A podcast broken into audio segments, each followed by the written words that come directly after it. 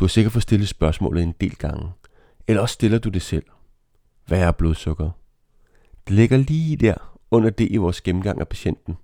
Men ofte så undlades det eller glemmes det.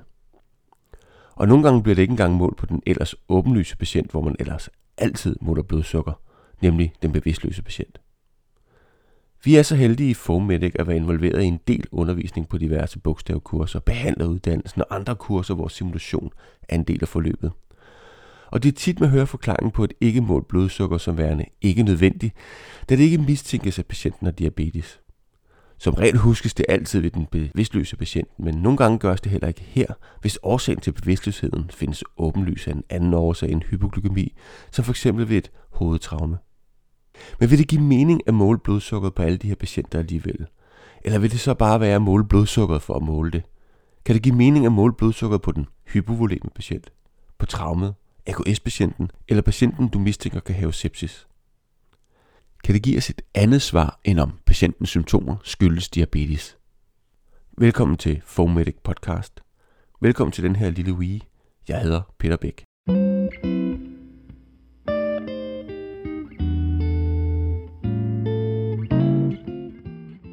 Helt tilbage i 1878 blev der beskrevet hyperglykemi ved blødningschok. Og det er faktisk helt almindeligt kendt, at akutte sygdomme eller skader kan resultere i hyperglykemi, insulinresistens og glukoseintolerans.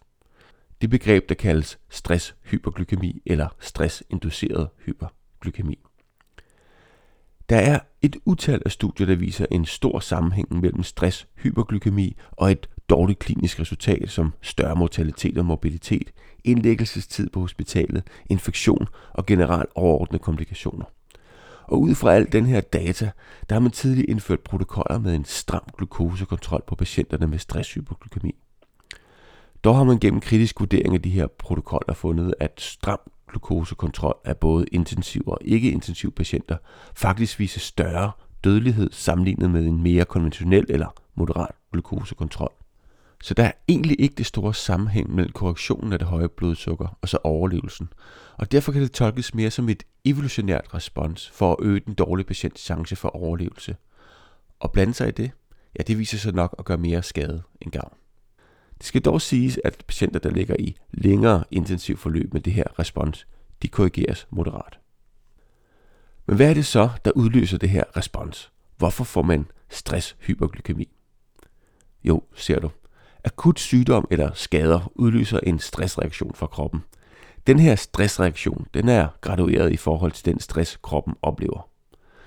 Reaktionen sker blandt andet ved udskillelse af et større mængde stresshormoner, f.eks. ved udskillelsen af kortisol hver 10 gange så stor ved svær stress, og patienter i chok vil mængden af adrenalin være 50 gange større og noradrenalin 10 gange større, hvilket må siges at være en stor stigning i forhold til normalen. Den her øgede udskillelse af stresshormoner har en multiple effekt på kroppen, både metabolisk, kardiovaskulær og på immunrespons. Det er simpelthen for at kompensere, så kroppen kan opretholde sin ligevægt. Der er også andre faktorer, der spiller ind i det her stressrespons. Og de her reaktioner er karakteriseret ved en overdreven dannelse af glukose og omdannelse af glykogen i leveren, samt insulinmodstand.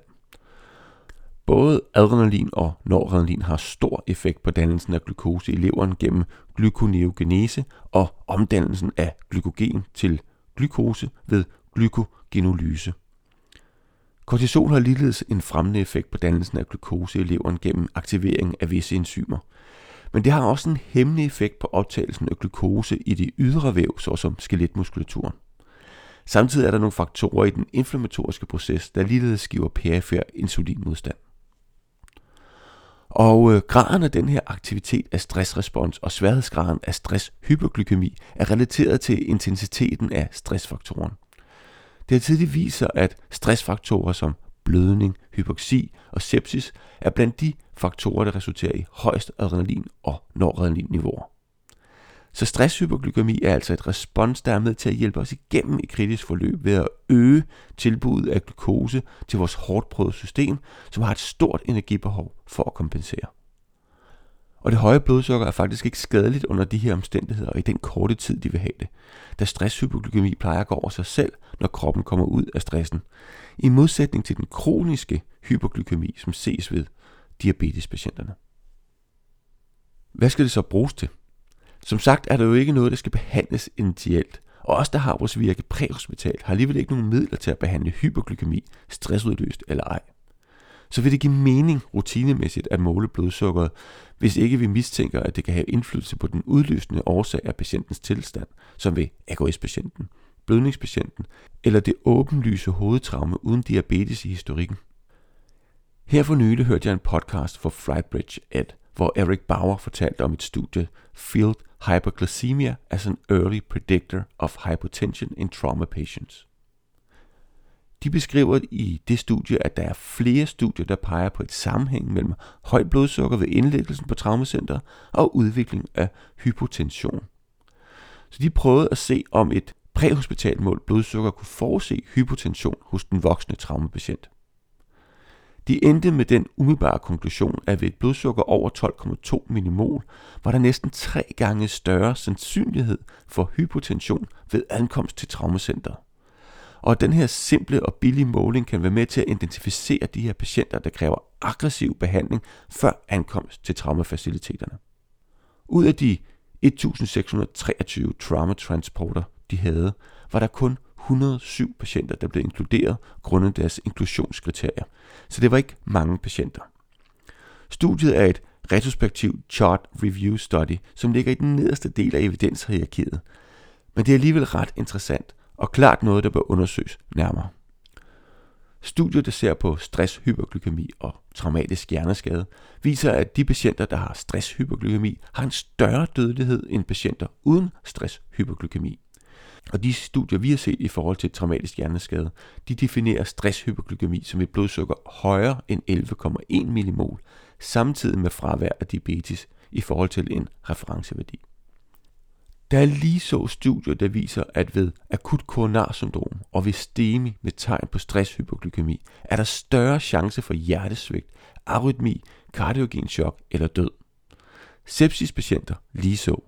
Altså studierne er nærmest endeløse i forhold til stresshypoglykemi og dårligt outcome.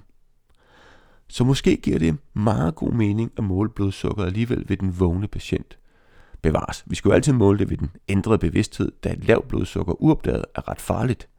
Men opmærksomheden på, hvad det vil sige for patienten, hvis vi finder et højt blodsukker uden forudgående historik af diabetes, er god at have med i sin overvejelser og sin forberedelse af de interventioner, man forudser kan opstå uanset patienten er med eller uden indre bevidsthed.